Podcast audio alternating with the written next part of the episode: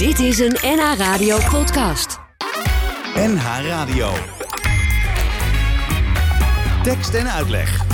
Jos Heremans.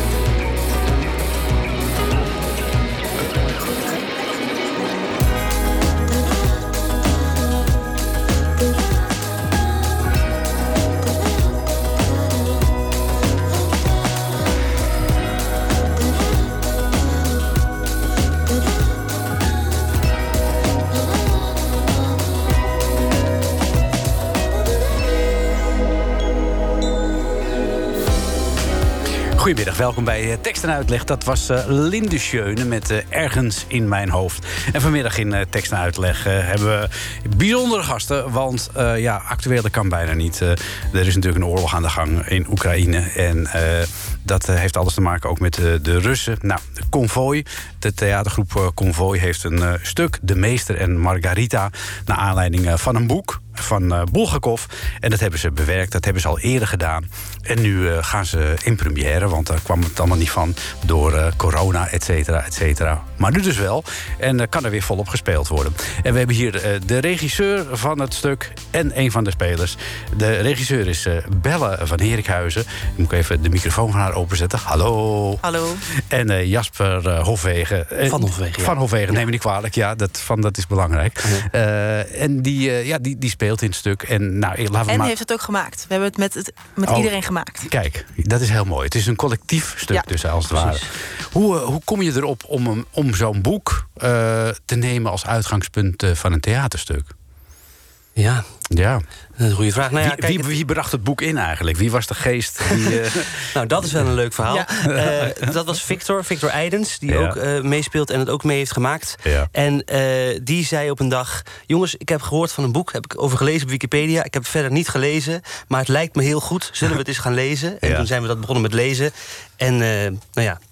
Twee jaar later zitten dus, een- hebben we dus daar een hele voorstelling op gebaseerd. Op Ja. eh, dat ge- voorgevoel. Voor- ja, ja, en want eh, la- laten we even bij het begin beginnen. Want eh, jullie zijn theatergroep Convoy.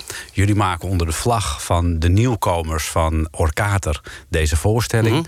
Eh, Belle, kun jij uitleggen wat Convoy eh, voor een groep is? Hoe is die ontstaan? Convoy is ik denk al in 2017 ontstaan. Uh, toen hebben wij met z'n allen gepitcht voor de nieuwkomers bij Orkater. Uh, met onze eerste voorstelling, de Ilias. Mm -hmm. Nou, dat hebben we toen, daar hebben we een, pitch gewonnen. En we hebben vervolgens die voorstelling gemaakt. En zijn dus een collectief met vijf acteurs en ik, de regisseur. En toen hebben we nou ja, vele jaren later hebben we uiteindelijk die voorstelling gemaakt. Die mm. hebben we gespeeld op Oerol en ook nog in, uh, op Over het Ei en op, in allerlei theaters. En een jaar of twee jaar geleden alweer hebben we een hoorspel gemaakt, mm -hmm. Wanzee, uh, voor Theater naar de Dam. En nu hebben we dus dit jaar hebben we de meester Margarita gemaakt. En we zijn een collectief wat eigenlijk heel erg gestoeld is op samenzang. Dus er is veel uh, eigenlijk tekst en, en muziek. En de muziek is eigenlijk vooral zang. Ja, eh, wat is de overeenkomst tussen jullie, uh, Jasper? Uh, wat, wat heeft jullie gemaakt tot zo'n hechte groep... dat jullie dachten van nou, we willen samen een, een gezelschap oprichten? Um, nou, ik denk dat, dat uh, een heel groot deel wat, wat daar heel erg bij hielp... was dat we de, in ieder geval de acteurs bij elkaar in de klas zaten op de toneelschool. Dus we hebben al vier jaar lang met elkaar gespeeld. En dus ook heel veel met elkaar gezongen op school. Welke? welke uh, de Amsterdamse toneelschool en Kleinkunstacademie. Ja. zijn we allemaal in 2016 afgestudeerd. Mm -hmm.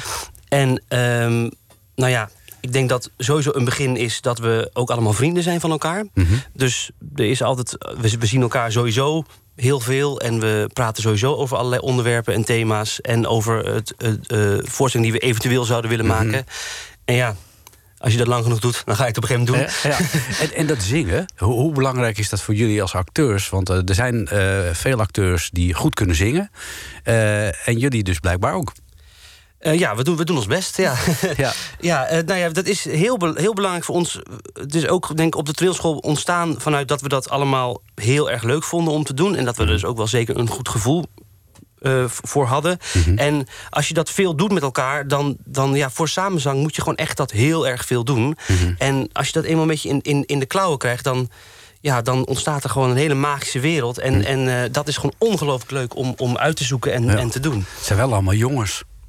In deze voorstelling zit ook een vrouw. De, hier zit ook een vrouw in, inderdaad. Ja, maar die hebben jullie er van buiten bij gehaald, toch? Of niet? Ja, uh, nou ja, van buiten. Die zat ook bij ons in de klas. Oh, oh dat ja, maar het hoofdschuur om te... Ja. Um, Uitkrommen niet, niet te vergeten. Inderdaad, zeker niet te vergeten. Um, maar uh, dat is met zingen soms best wel moeilijk in met mm. vier mannen. Maar gelukkig hebben we Bart Sietsema, die heel hoog kan zingen. Ja. en, uh, en nu dus Marit erbij. Dus dat komt eigenlijk altijd wel goed. En je moet bepaalde stukken moet je er toch een beetje op aanpassen, inderdaad. Ja, ja, ja. En hoe is dat uh, voor jou uh, als uh, regisseur, Belle, om, om, om met deze mannen om te gaan? Ha? nou, eigenlijk vooral een feestje. Want elke repetitie, of ook als ze zangrepetitie hebben... en dan zit ik er soms gewoon even alleen maar naar te luisteren... en denk mm -hmm. Oeh, wat heb ik leuk werk dat ik hier gewoon de eerste rang mag zitten... terwijl zij uh, ja, een vijfstemmig nummer aan het uitzoeken zijn. Ja. En uh, nou, het feit dat ze zo erg op elkaar zijn ingespeeld... op de vloer qua spel, maar ook dus qua samenzang... maakt mijn werk zoveel makkelijker. Omdat hm. uh, er is al, de basis is al, is al heel sterk en heel hoog. Dus ja, we hebben een hoog instapniveau. Dus dat hm. maakt het voor mij eigenlijk ja, heel fijn en prettig. Zing jij zelf ook een beetje lekker? Wat zeg je? Of jij zelf ook een beetje lekker zingt. Uh, ik kan ook wel zingen. Ja, ja. Dus heb je daar af en toe niet de neiging om gewoon even, even ja. mee te doen? Ja, absoluut. Meestal ook als er, als er uh, partijen ingezongen worden uh, of ingestudeerd worden... Dan, ben, dan kies ik gewoon een van de partijen en dan ga ik die ook een beetje mee instuderen. Zodat het, als we samen zingen, dat ik in mijn hoofd ook één partij mee kan zingen. Ja, dat, dat kan ik me wel voorstellen. Nee, het, gaat, het kriebelt wel heel vaak. Maar dat vind ik ook een goed teken. Ik denk ook uh, ik vind dat ook het mooie van theater. Dat als je naar een voorstelling gaat kijken... Mm -hmm. dat je als publiek kan denken...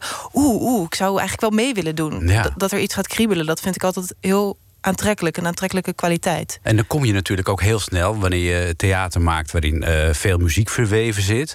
kom je al heel snel uit bij Orkater ook, denk ik.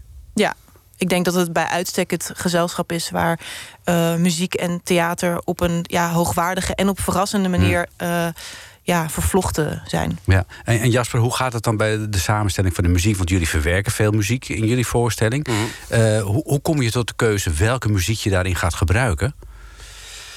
Ja, dat is eigenlijk een beetje heel verschillend. Maar eigenlijk proberen we in ieder geval wel uh, proberen we eerst een heel duidelijk concept te maken over wat die muziek nou eigenlijk betekent in de mm -hmm. voorstelling. Dus bij de Ilias bijvoorbeeld, onze vorige voorstelling. Um, hebben we, hadden we heel voor gekozen. Dat ging heel erg over, over soldaten en over, dus over mannen die eigenlijk hun binnenwereld helemaal niet tonen. Dus dan hadden we als concept: de muziek is die binnenwereld. Hmm. Ehm, en nu hebben we ervoor gekozen om. ehm, eh, de voorstelling te laten bestaan uit vier verschillende muzikale beelden, zeg maar. En die stellen allemaal een wereldbeeld voor. Hmm. Dus nou ja, dat is eigenlijk nog best wel heel abstract... wat voor soort muziek je dan gaat kiezen. Maar zo beginnen we eigenlijk. Mhm. En dan gaan we natuurlijk ook eigenlijk kijken van... wat kunnen we eigenlijk en wat vinden we ook heel erg leuk om te doen. En eh, daar koppelen we dan dat concept aan. En dan met, met de inhoud erbij kom je dan tot muziek. Ah, oké. Kun, kun je ook uitleggen hoe dit erin gekomen is? Wat een geluk dat ik een stukje van de wereld ben. Dat ik Ja. van de zee. Ja, dat is volgens mij weer dezelfde acteur Ja. Victor die dacht: dit vind ik leuk, laten we dit doen.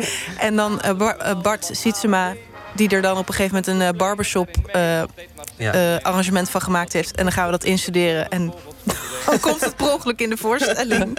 Ja, ja. Want het is, heel, het, is, het is heel divers. Hè? Het is niet zo, jullie zijn niet voor één gat te vangen qua muziekkeuze. Nee, nou ja, zeker hebben we daar deze voorstelling wel echt op, op ingezet... dat in ieder geval één deel echt een soort van... ja, shuffle-lijst on steroids is, inderdaad. Eh, dus ja, dan kom je bij dit soort eh, dingen Ja. uit. Nou, we gaan straks eh, uitgebreid verder praten over de inhoud van de voorstelling. Want daar hebben we het eigenlijk nog helemaal niet over gehad. En waar het boek over gaat en waar het stuk over gaat. We gaan eerst even luisteren naar Wende Snijders. Zij staat komende donderdag in P60 in Amstelveen. Gaat allen, zou ik zeggen. met haar prachtig mooie voorstelling eh,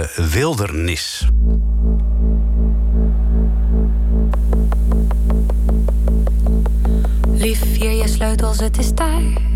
Amsterdam, je dag is traag, je wolken grijs. Langzaam kruipen gevechten in mijn kraag. Mijn liefje vertrekt over zee.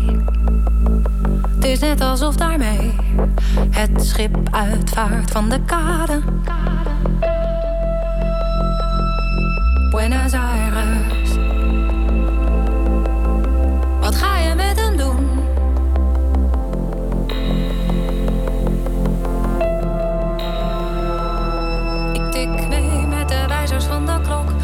Prikken als nagels langs de wervels van mijn rug. Buenos Aires. Ga maar, ga maar, ja, hoe kom je terug?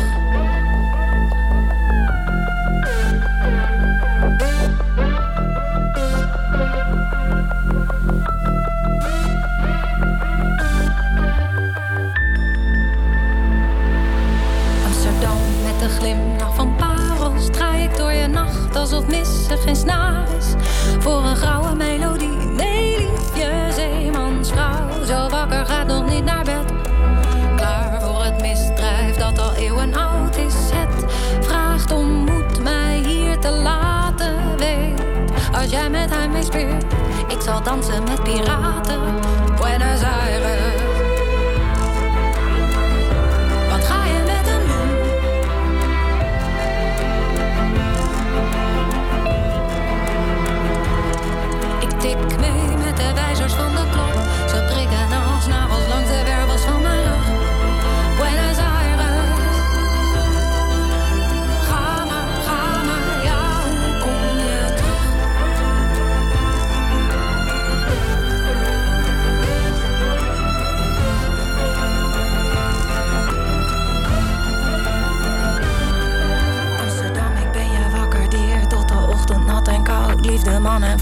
Ik zoek een fris geluid gemengd, ik hou van jou.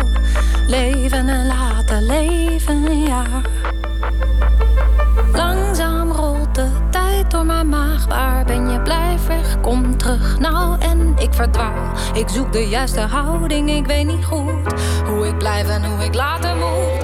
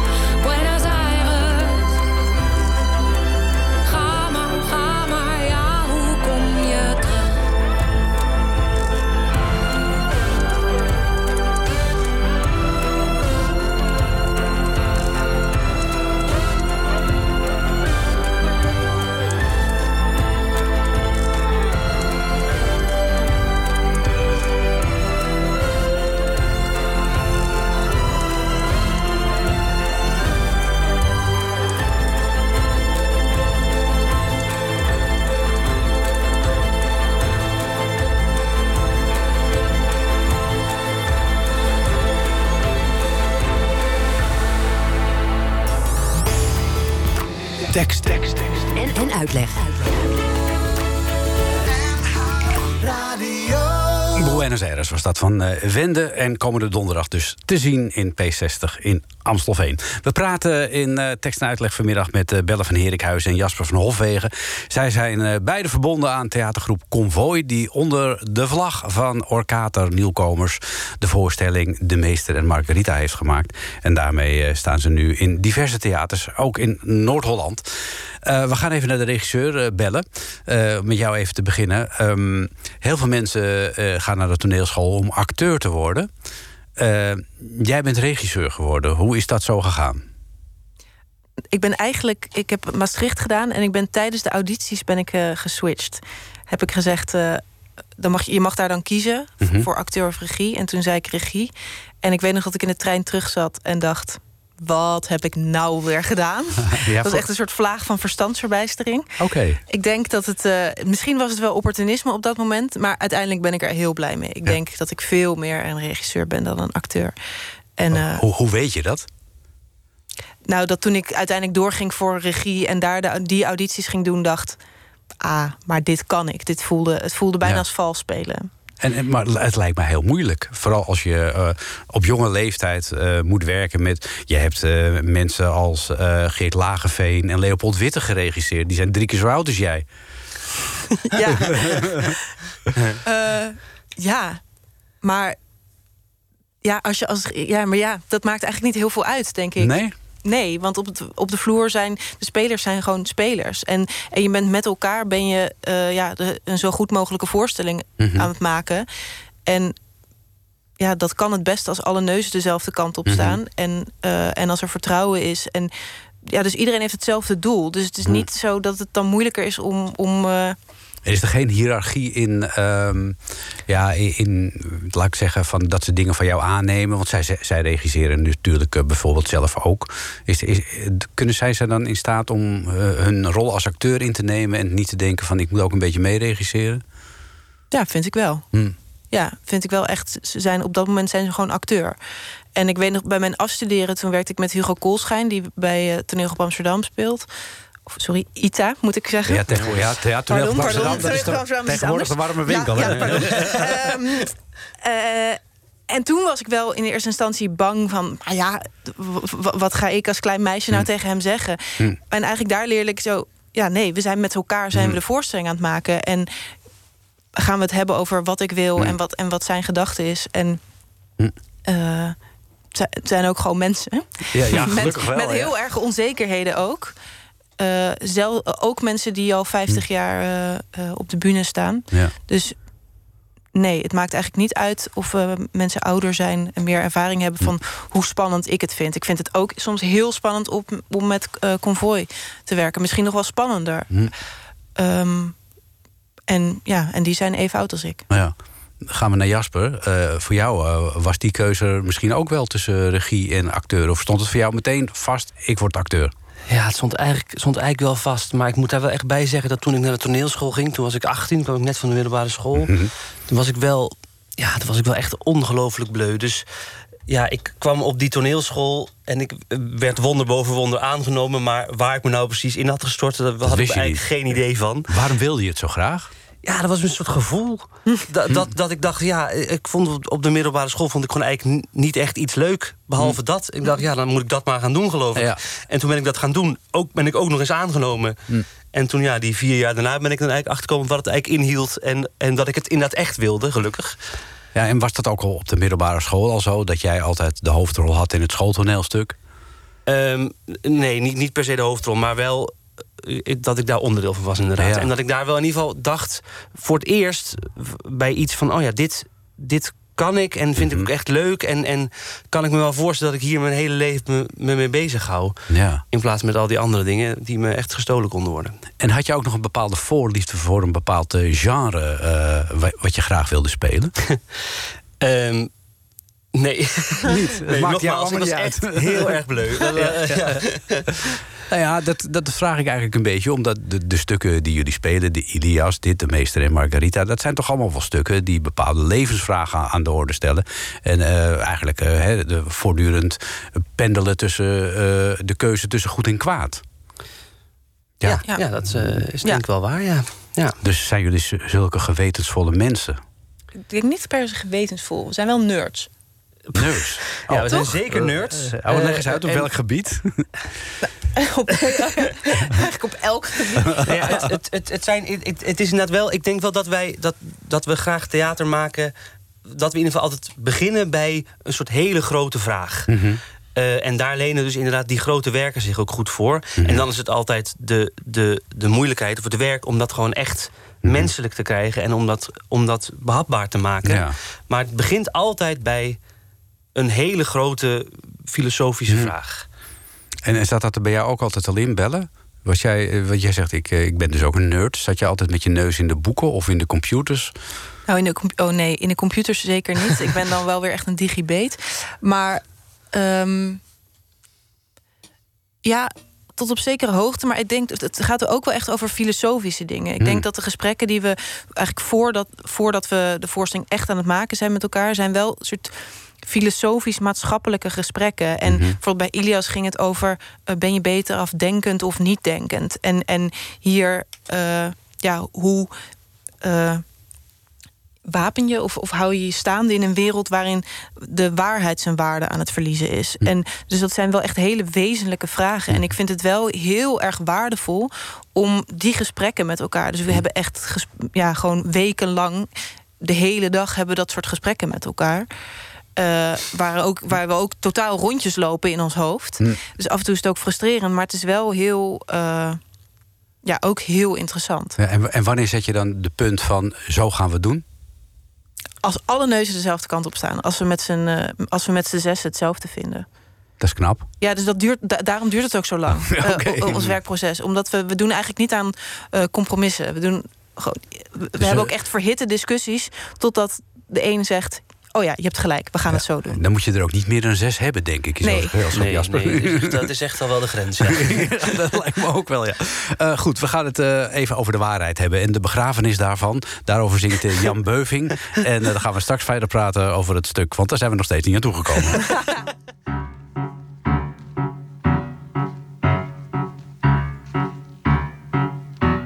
Ik had een schep gekocht om de waarheid te begraven. Dus liep ik in mijn eentje naar haar laatste rustplaats toe.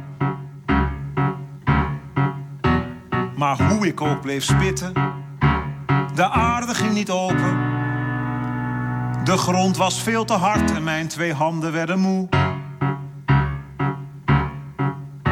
Dus sleepte ik de kist met moeite naar de haven. Daar gooide ik de waarheid met een molensteen in zee. Er kwamen mensen kijken om het zinken te aanschouwen. Maar de waarheid bleef maar drijven, dus we namen haar weer mee.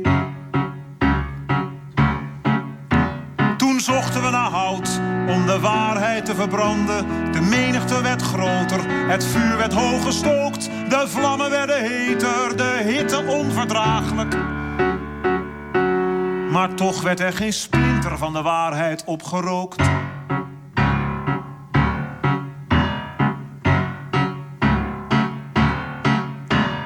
Gelukkig was er nog een diepe kloof voorhanden. De halve wereld stond intussen aan de kant te kijken naar de waarheid en hoe die stuk zou vallen. Maar even later stond ze ongeschonden op de rand. de pleuris uit. Het volk begon te muiten, de sfeer was explosief. Het ongenoegen groot, wie neemt ons in de maling? We worden hier bedrogen. Ze schreeuwden, het is een complot. De waarheid is niet dood. Ze openden de kist, de waarheid kwam naar buiten. Ik keek tevreden toe. Een eindeloze stoet van ooit zo boze mensen trok zingend door de straten. De waarheid is van ons. En zo kwam alles toch nog goed.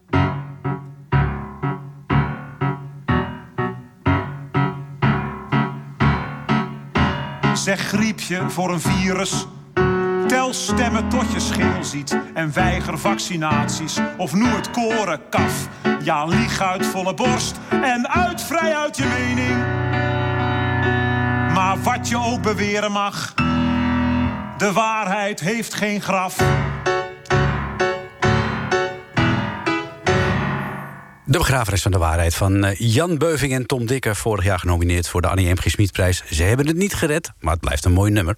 Uh, Belle van Herikhuizen en Jasper van Hofwegen zijn te gast. Zij zijn uh, beide verbonden aan theatergroep Convoy. En zij spelen de voorstelling De Meester en uh, Margarita... waarbij Belle de regie doet. En uh, Jasper een van de rollen voor zijn rekening neemt. Nou, het is eindelijk zover dat we het over de inhoud van het het heeft even geduurd. Ja. Nou, uh, laat ik maar met de regisseur beginnen, Belle. waar, waar gaat het over, om het zo maar eens te zeggen? in De Meester en Margarita volg je een aantal personages... die alle, allemaal met de waarheid en het gebrek daaraan worden geconfronteerd. Er zijn een aantal delen. We beginnen met Ivan. En Ivan denkt te weten hoe de wereld in elkaar zit. En komt erachter dat hij toch niet weet. Raakt daar heel erg van uh, ja, in de war. Dan hebben we de meester van, de titel. En die heeft het ooit geprobeerd te, zoeken. En uh, ja, dat is mislukt. En heeft het eigenlijk opgegeven. Dan Pilatus, die wordt met iets waars geconfronteerd. En die kiest uh, voor het andere. Dan hebben we de Pilatus, de Pilatus, de Pilatus, de Pilatus die, die, weet je wel. de paas ook ja. zo over hebben. Ja, ja, ja. De echte, echte paaspilatus. Ja, ja, die van vandaag. Ja. En, um, en gespeeld overigens door Jasper. En dan Margarita. En die blijft zoeken hm. naar iets waars. En, de, en Woland, de duivel die daar tussendoor uh, manoeuvreert. Ja, het is de vrouw die blijft zoeken. Dat, dat is wel opvallend. Ja, hè? Ja. Leg eens uit waarom. Nou, en het zit al een beetje zo in het boek. Mm -hmm. En we, we, vonden dat wel iets moois om nu uh, te tonen. Hm. En belangrijk. Ja. Jij speelt de rol van Pilatus dus, uh, ja. Jasper. Ja, uh, wat, wat, is jouw rol? Wat, wat voor een type is die Pilatus? Want ja, die Pilatus, dat is natuurlijk... Ja, we, we kennen hem allemaal, hè, van uh, hij moet kiezen ja, tussen ja. Jezus en Barabbas. En in, dus in, in het boek De Meester, Meester Margarita is een, hele, is een hele uitgebreide geschiedenis over Pilatus en Jezus. En eigenlijk dus vooral over Pilatus geschreven. Mm -hmm. En het wordt daar gezegd dat dat het ware verhaal van Pontius Pilatus en Jezus Christus is. Mm -hmm. En ik speel dus een man die ja, in Jeruzalem is als procurator een soort uh, opzichter, zeg maar. En uh, ja, die vindt het daar gewoon behoorlijk uh, kut. Hij heeft, heeft heel veel hoofdpijn. en hij, is, van, ja, hij vraagt zich eigenlijk af wat hij daar überhaupt doet. En hij wilde eigenlijk zo gauw mogelijk weg. En hij wordt dan geconfronteerd met Jezus Christus. Mm -hmm. Die ja, is opgepakt omdat hij iets heeft gezegd over een tempel die hij wilde verwoesten. En hij denkt gewoon, nou, ik ga dit varkentje even gauw wassen. Hup, snel veroordelen en klaar ermee. Maar dan, die Jezus gaat toch in zijn hoofd zitten. Mm -hmm. En langzaam dat is in het boek ook heel mooi gedaan. Dat hebben wij geprobeerd zo goed mogelijk ook uh, uit te beelden. Overvalt het noodlot hem, zeg maar. Mhm. En krijgt hij wel een soort van signalen dat hij, het, het, dat, dat hij maar beter het goede zou kunnen doen. En naar die Jezus zou kunnen luisteren. Maar hij doet het uiteindelijk toch niet. En dan is hij dus voor eeuwig verdoemd om rond te zwerven in de hel. Ja, dat is, ja, dat is heel vervelend. Ja. dat is wel mooi dat het in het boek voorkomt. Uh, dat, dat boek dat overigens uh, jarenlang verboden is geweest. Want het is, het is Ja. een vrij oud boek al, hè? Van Ja, Bulgakov. het is uit de jaren 20 hè, van de vorige eeuw. 1920, dus toch 29 of 28 is het toch uitgegeven? Zo lang geleden? Oh, dan wist ik dat niet. Nee. Maar Goed. het is, het, het is onder Stalin verboden geweest. In Ja. 1968 mocht het voor het eerst Ja, verschijnen. precies. Eh, die, die Bulgakov, wat voor man was dat? Hebben jullie, kunnen, weten jullie dat toevallig? Nou, nou, ik weet er niet zo ongelooflijk veel over. Maar voor mij is het wel een man die, eh waarmee het niet altijd even goed ging. Want ehm, ja, hij heeft dus zijn, bijna zijn hele leven lang aan dit boek gewerkt. En het Hm. boek is gewoon één hele grote satire. En Hm. dus kritiek op het, eh, op het ehm, eh, Russische regime. Ja, en satire en dictators, dat gaat niet zo goed samen. Dat vinden ze Nee. nooit zo prettig inderdaad. En hij is ook gestorven terwijl hij dit boek aan het schrijven was. eh, aan het schrijven was. Ja. Ja. God, wat een drama, toch allemaal. Ja, Ja. Ja. Maar het is ook een heel grappig boek. Oh ja? Ja, Ja. er zit ook echt enorm... Ja, goed, dat heb je ook wel met satire. Maar er zit Mhm. enorm veel humor in.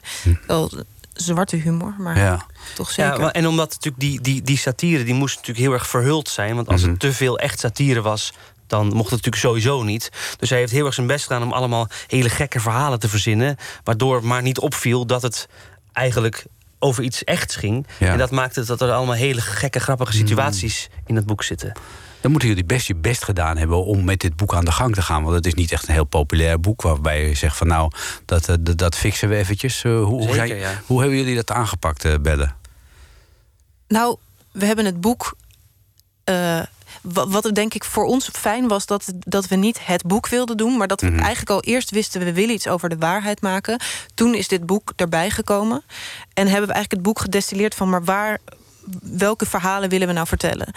Eh, en toen hebben we het dus opgedeeld in die, in die delen. Eigenlijk toen de Pilatus waren er nog als een soort van entreacts bij. Maar hadden we bedacht, we willen iets maken over Ivan, over de meester en over Margarita. Dus eigenlijk mhm. drie delen en dan die tussendelen van Jeruzalem erbij.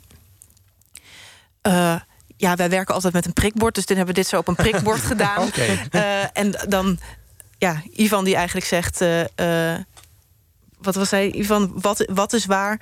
De, de meester zegt niets is waar en Margarita zegt iets is waar. Dus dat zijn dan eigenlijk de, de, ja, de titels voor ons. Hm. En dan gaan we denken, oké, maar welke scènes moeten daar dan in? Uh, wat voor soort taal moet daar, moeten we daar gebruiken? Wat voor soort muziek moet daarin? Dus eigenlijk best systematisch uh, zijn we dat... Uh, zijn we het aangevlogen. Ja, nu hebben jullie het stuk vorig jaar al, was het al klaar. Hebben jullie, zijn jullie het gaan spelen? Toen was er nog geen oorlog tussen uh, Rusland en Oekraïne. Nee. Dus ja, het komt eigenlijk een beetje, ja, dat klinkt een beetje uh, vervelend, maar het komt als geroepen deze oorlog om het thema juist onder, onder de aandacht te brengen.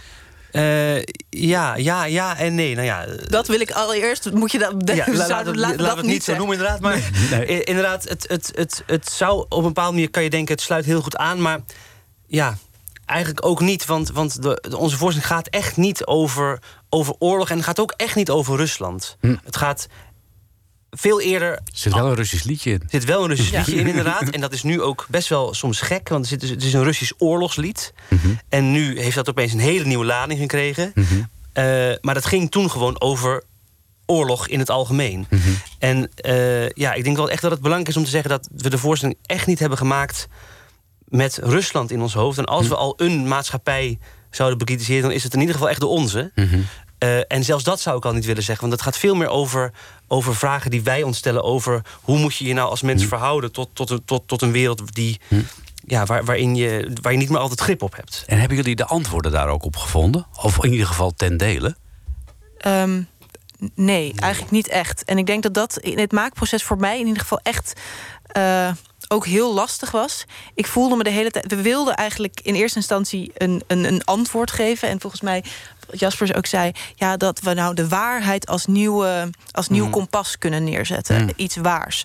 En ik voelde me tijdens het maken de hele tijd tegen de eigen wanden van mijn brein opbotsen. Van ik, ik weet niet meer dan dat ik weet. Mm-hmm. Ehm, dus eigenlijk waar we veel meer bij uit zijn gekomen is uh, het door blijven zoeken, het openstaan, het niet verharden in, in uh, meningen en wereldbeelden. Hm. Dus ja, want dat is inderdaad wel eh, iets waar, waar we sowieso wel op uitkwamen, ondanks hm. dat we het letterlijke antwoord niet vonden, hm. is dat we wel erop uitkwamen dat, dat we echt wel wisten, of in ieder geval voelden, dat cynisme het antwoord niet kon zijn. Ja. Uh, en dat wilden we in ieder geval wel echt, echt in de voorstelling hebben, dat dat dat dat sowieso niet de oplossing was. En wat dan wel de oplossing is, dat weten we ook niet. Nee, leven wij in een cynische wereld, vinden jullie? Want jullie zijn jong, jullie, jullie hebben een hele toekomst voor je. Het is wel makkelijk om cynisch te zijn, denk ik. Hmm. Ik vind niet per se de wereld cynisch, maar ik kan me heel goed voorstellen dat je cynisch bent. Ja. Ja, en want ik, ik, ik, had het toevallig van de week even met een paar collega's over. Ik, ik loop al wat jaren mee. Ik, uh, ik heb de. de nou ja, ik, toen, toen ik zeven was, toen hadden we de, de Cuba-crisis. We hebben Viet, ik heb Vietnam meegemaakt. Ik heb uh, de, de, de Koude Oorlog meegemaakt. Maar ik heb nu iets bedrijf, iets meer dan dat, dreigender dan dat gevoel. Dat vind ik mm. gek. Dus ik vroeg me af, zouden jonge mensen dat ook hebben? Ja, ik denk wel dat heel veel jonge mensen, in ieder geval die ik ken, wel een gevoel hebben van ja, we leven in een tijd waarin er in ieder geval iets ergs gaat, gaat gebeuren. Hm. En um, ja. Of het nou oorlog of een klimaatcrisis is, ja. maar wel iets, iets niet goeds. Ja, jullie krijgen het wel voor je kiezen, wat dat betreft, als, als, als jongeren. Ja, ja, ik kan, kan er nooit zo goed inschatten of dat, dan, of dat dan in andere tijden ook zo was, inderdaad. Maar dat gevoel kan je soms wel eens bekijken. Ja, dat kan ik me voorstellen. Ja, goed. Eh, nou, niet al te deprimerend, eh, mensen. het is, eh, het is zaterdagmiddag. Neem een wijntje, zou ik zeggen. Luisteren we ondertussen even naar Clean Piet met geheimen.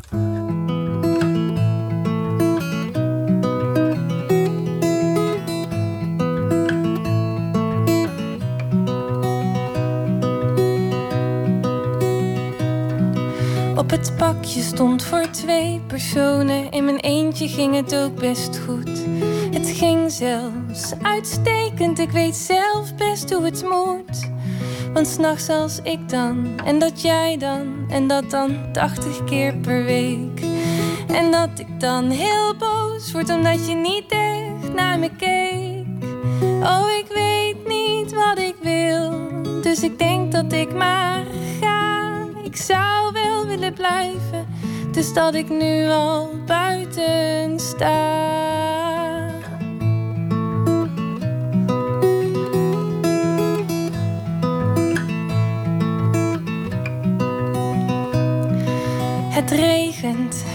Past wel mooi bij hoe ik me nu voel. Luister niet naar mij, want dit is niet wat ik bedoel.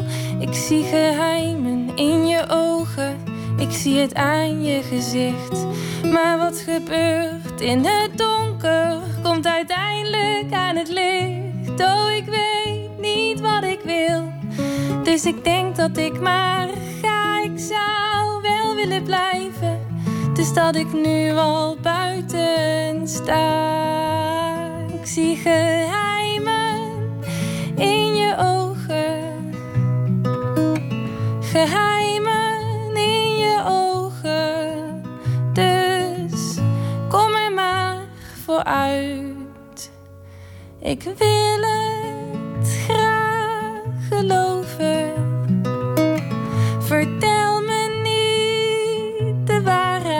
dan kom ik vast bedrogen uit.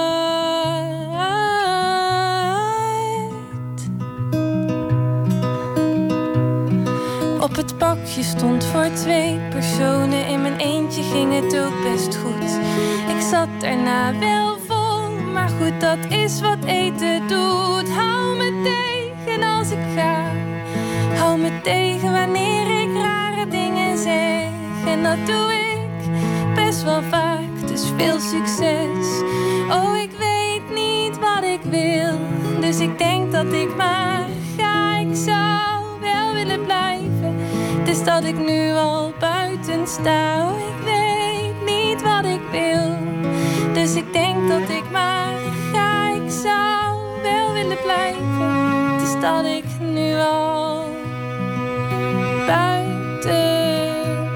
buiten sta. Tekst en uitleg. Dat waren Loes en René Wijnhoven. Samen vormen zij Clean Pete. 24 april staan ze in eh, Paradiso. Met een heleboel andere artiesten. Want dan bestaat Excelsior Records 25 jaar. Dat is het label waaronder zij verschijnen. En op 1 mei, dat is helemaal leuk. In de Tolhuistuin, gewoon lekker buiten.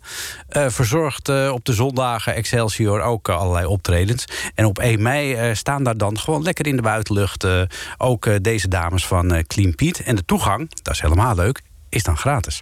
Ja, daar zijn jullie bij, hè? Ja, ik Jasper. Ja, ja, ja, ja. Ehm, we praten met Belle van eh Herikhuizen en Jasper van Hofwegen... over het eh, stuk eh, De Meester en Margarita. Eh, dat eh, dus door Convoy wordt opgevoerd onder eh, de vlag van eh Orkater. Eh, eh, eh, onder, ja, onder de naam niet alleen Orkater, maar ook de nieuwkomers. Wat ingewikkeld eigenlijk allemaal. Vreselijk, ik ga dat niet meer uitleggen eh, hoe dat zit. Want jullie zijn nieuwkomers. Ehm, nou ja, eh, hoe, hoe lang zitten jullie, zitten jullie nu in het vak? Eh, laat ik even bij jou beginnen, bellen. Nou, het, het antwoord is hetzelfde. Ja. We zijn allebei in 2016 Oh ja. afgestudeerd. Ja. Dus eh, En hoe bevalt het tot nu toe? Hoe is het acteursleven? Is het zoals je je vroeger had voorgesteld? Is het zo liederlijk als je dacht? Nee, het is nog veel liederlijker. Eh, ja, het, ik, ik, ik, vermaak me wel. Ik, ik, het bevalt me zeer, moet ik zeggen. Ik eh, ik kan me niet voorstellen dat ik ooit iets, dat ik iets anders zou doen. En eh, als ik Ja. ook wel eens aan iets anders denk, denk ik... Nee, Nee, nee, Tom, ik zit Tom. echt goed. Ja, toch, toch maar niet bij de ABN AMRO werken. Nee, nee, nee. nee, nee. Nou, ze, willen- ze willen me ook echt niet hebben, hoor, denk ik. En hoe is dat bij jou, bellen? ja, hetzelfde. Ik eh, vind dat we het mooiste vak van de wereld hebben. Dus ik ben Ja. er hartstikke blij mee dat, Ja. ik, eh, dat ik hier mijn geld mee kan verdienen... en mijn dagen mee kan vullen. Jij bent wel iemand die al snel carrière maakt, want jouw naam valt al heel snel. Zouden we je dan, zou- zouden we je dan kunnen noemen als een van de grootste regietalenten van Nederland? Zouden jullie dat stempel mogen geven? Eh, Nee, ja, ik vind het altijd een beetje. Nou ja. Uh, nee. Ik zou, vind dat niet, ik vind dat niet iets prettigs. Ik vind altijd dat soort dingen voelt eerder als een opdracht. Dus ik word er altijd eerder uh, zenuwachtig van. Zenuwachtig van dan dat ik denk, oh leuk. Ja, je ziet altijd van die lijstjes in de Volkskrant, hè, grootste talent en dat soort dingen. Ja. Dat, dat, je staat liever niet op die lijstjes, denk ik dan. Nou, ik weet niet. Ik vind het ook wel. Het is ook wel leuk, natuurlijk. Het is ook uh, bevestiging. En, uh, en als ik mezelf even rot voel, kan ik denken: ja, maar er zijn mensen die dat gedacht hebben. Mm -hmm. Maar, het, maar wat ik zei, het voelt dus ook echt als een opdracht. Mm. En uh, ja, dus. Waar, waar, ben je het meest trots op wat je tot nu toe gemaakt hebt? Um, ik denk dat ik het meest trots ben op een, en dit collectief, Mhm. Convoy... en daarmee dus Ilias en ook de meester Margarita... Mhm. en Sweet 16, de voorstelling die ik bij de toneelmakerij maakte. Ja.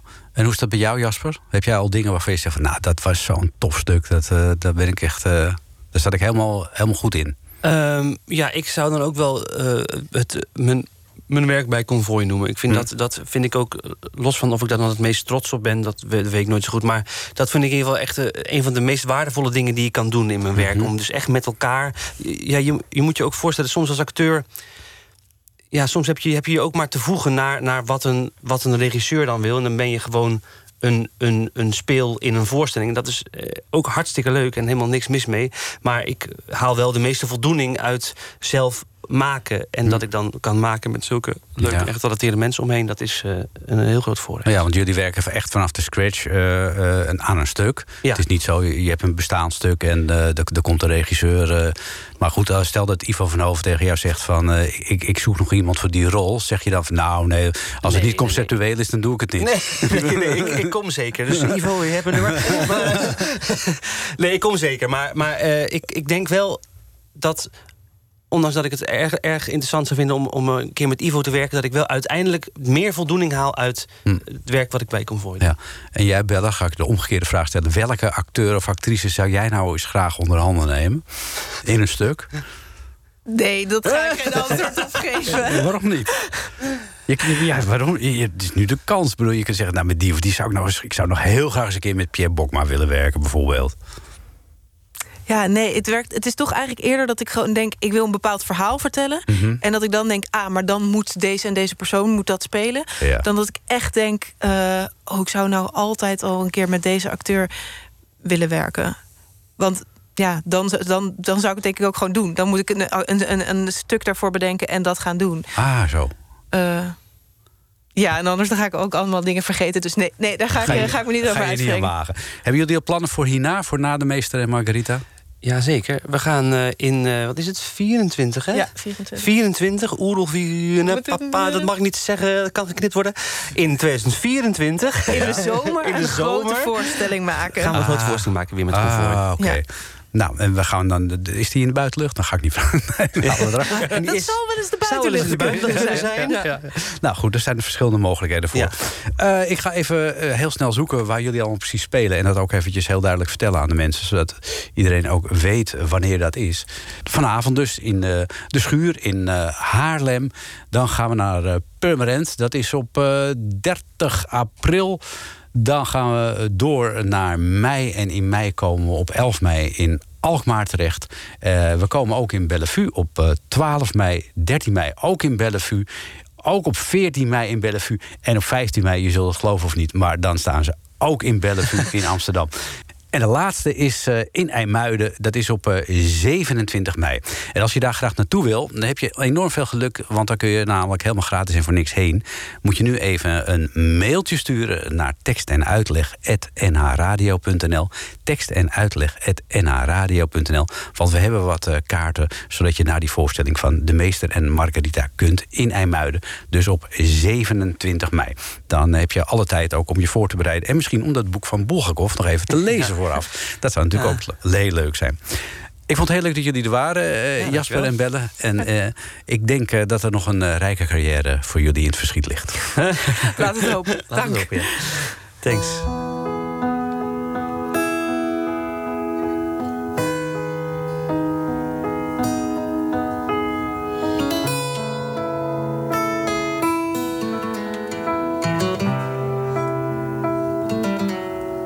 Leun maar achterover, liefje. Je hoeft niet meer dan een stilleven te zijn. Roerloos naast een schaal met appels en een stuk van het gordijn. Leun maar achterover, liefje. De speling van het licht op het plafond. Laat het dons op je huid wuiven als een graanveld in de zon. Denk maar niet meer aan vannacht. Het was de wind om het huis en ik wist niet meer wat ik zei. Het was de regen op het dak. Het waren de omstandigheden.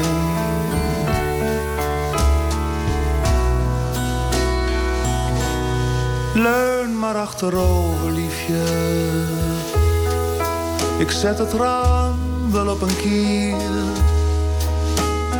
Zacht ruisende kiezels in de bocht van de rivier.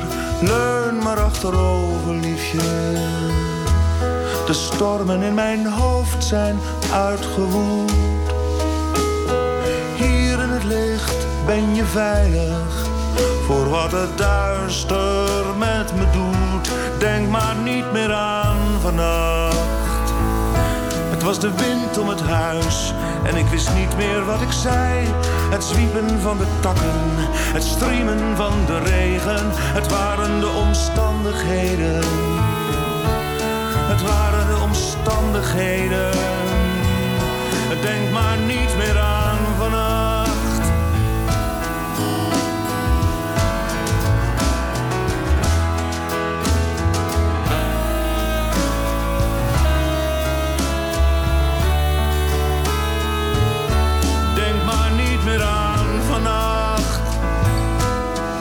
de wind om het huis en ik wist niet meer wat ik deed. Het was de bliksem die de eik in tweeën spleet. Het waren de omstandigheden.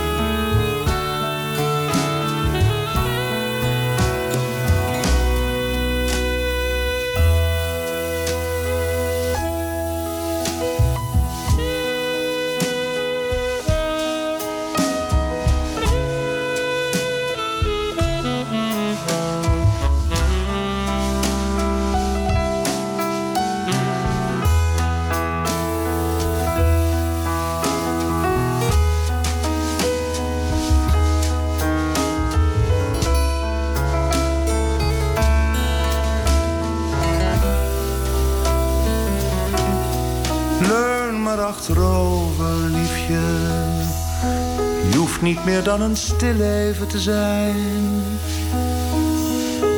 Roerloos. Naast een schaal met appels.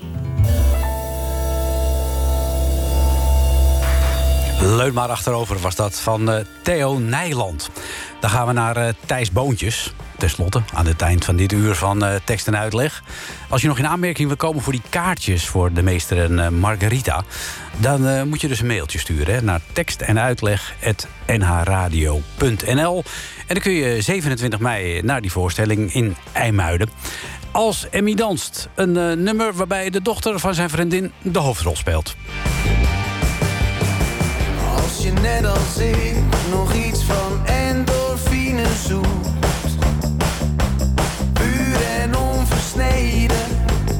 Je bij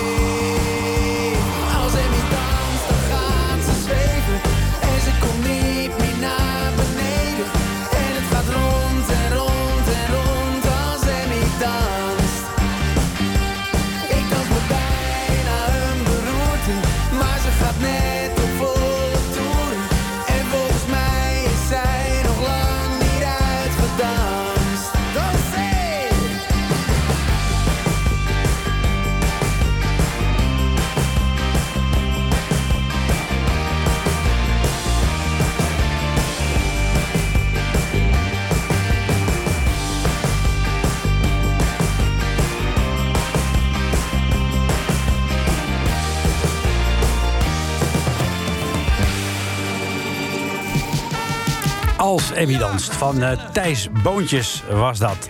Straks eh, na zeven kun je weer gaan luisteren naar het eh, Gouden Hitsmuseum met Ferdy Bolland. En er zitten weer een paar prachtige pareltjes tussen.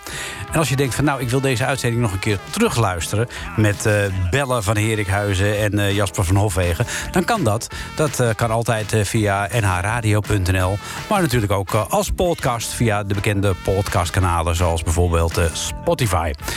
Eh, nou, dat was het voor vandaag. Ik eh, wens je hele gezellige paasdagen. Gezellig, hè? Gezellig, hè?